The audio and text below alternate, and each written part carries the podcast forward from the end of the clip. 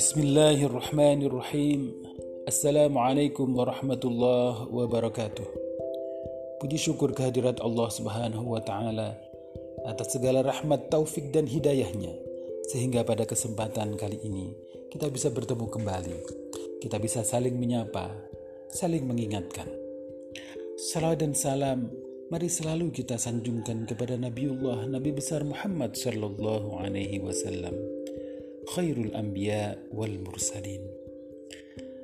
Pendengar yang dirahmati Allah, pada kesempatan kali ini saya masih akan membaca kitab Al-Hikam yang ditulis oleh Ibnu Athaillah As-Sakandari kemudian uh, dijelaskan diuraikan oleh Syekh Abdullah Asyarqawi.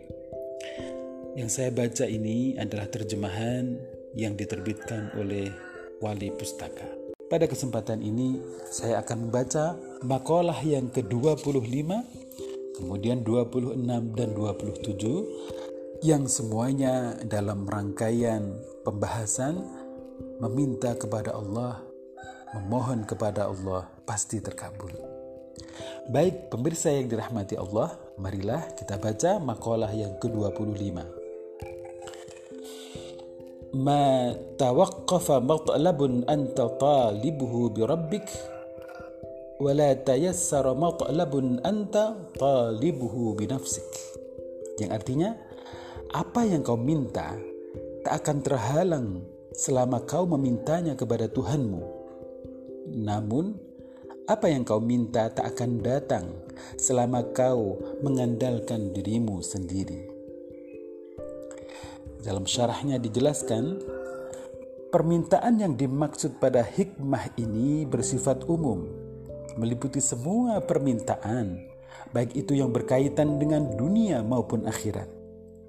Apa yang kau minta dan inginkan tidak akan terhalang selama dalam mencarinya kau tetap memperhatikan Tuhanmu, menghadirkannya dalam hatimu dan bersandar kepadanya agar memudahkan permintaan dan urusanmu.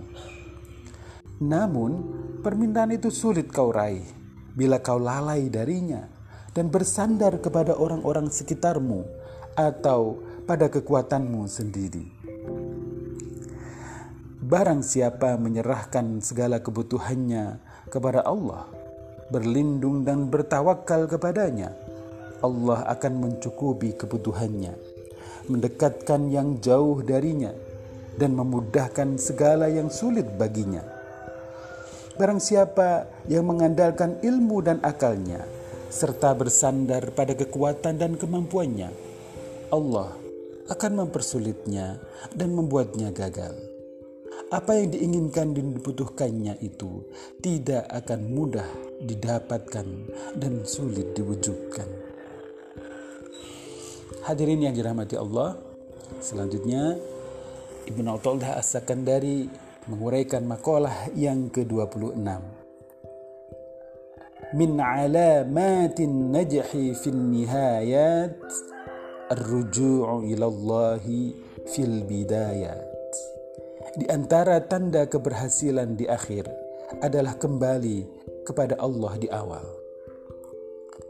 Dalam syarahnya diuraikan Langkah awal seorang murid patut diperbaiki demi memperbesar kemungkinannya untuk sampai hingga akhir perjalanannya. Siapa yang memperbaiki dan meluruskan langkah awalnya dengan kembali kepada Allah dan tawakal kepadanya, serta memohon pertolongannya, bukan bergantung pada amalnya yang kurang sempurna, pada akhirnya ia akan sukses dan berhasil ia akan sampai pada tujuan akhirnya dan tidak akan goyah di perjalanannya. Barang siapa yang tidak melakukan hal itu, maka di tengah jalan ia akan berhenti dan pulang kembali ke tempat pemberangkatannya semula. Seorang arif berkata, "Siapa yang mengira bahwa ia telah sampai kepada Allah tanpa bantuannya, tanpa bantuan dari Allah, maka ia akan berhenti di jalan. Siapa yang memohon bantuan dirinya sendiri dalam beribadah kepada Allah, maka ia akan bergantung pada dirinya sendiri. Pendengar yang dirahmati Allah, makalah yang ke-27 beliau menyampaikan, "Man asyraqat bidayatuh, asyraqat nihayatuh." Siapa yang bersinar di awal akan bersinar pula di akhir. Siapa yang awalnya cerah dan bersinar, misalnya dengan mengisi waktu-waktunya dengan bermacam ketaatan, wirid, dan bersabar sepenuh hati dalam menjalaninya, maka akhir perjalanannya akan bersinar pula. Bersinar karena memancarnya berbagai nur dan ma'rifat kepadanya dan hilangnya berbagai kekeruhan jiwa yang menjadi penghalang antara dirinya dengan Tuhannya. Demikian pula sebaliknya, Siapa yang usahanya kurang di awal, maka di akhir ia tidak akan mendapatkan kegemilangan. Sekiranya ia diberikan keberhasilan, keberhasilan itu lebih lemah daripada orang lain. Bisa jadi pengertian bersinar di awal di sini ialah kembali kepada Allah dan bertawakal kepadanya. Adapun bersinar di akhir ialah berhasil sampai kepadanya.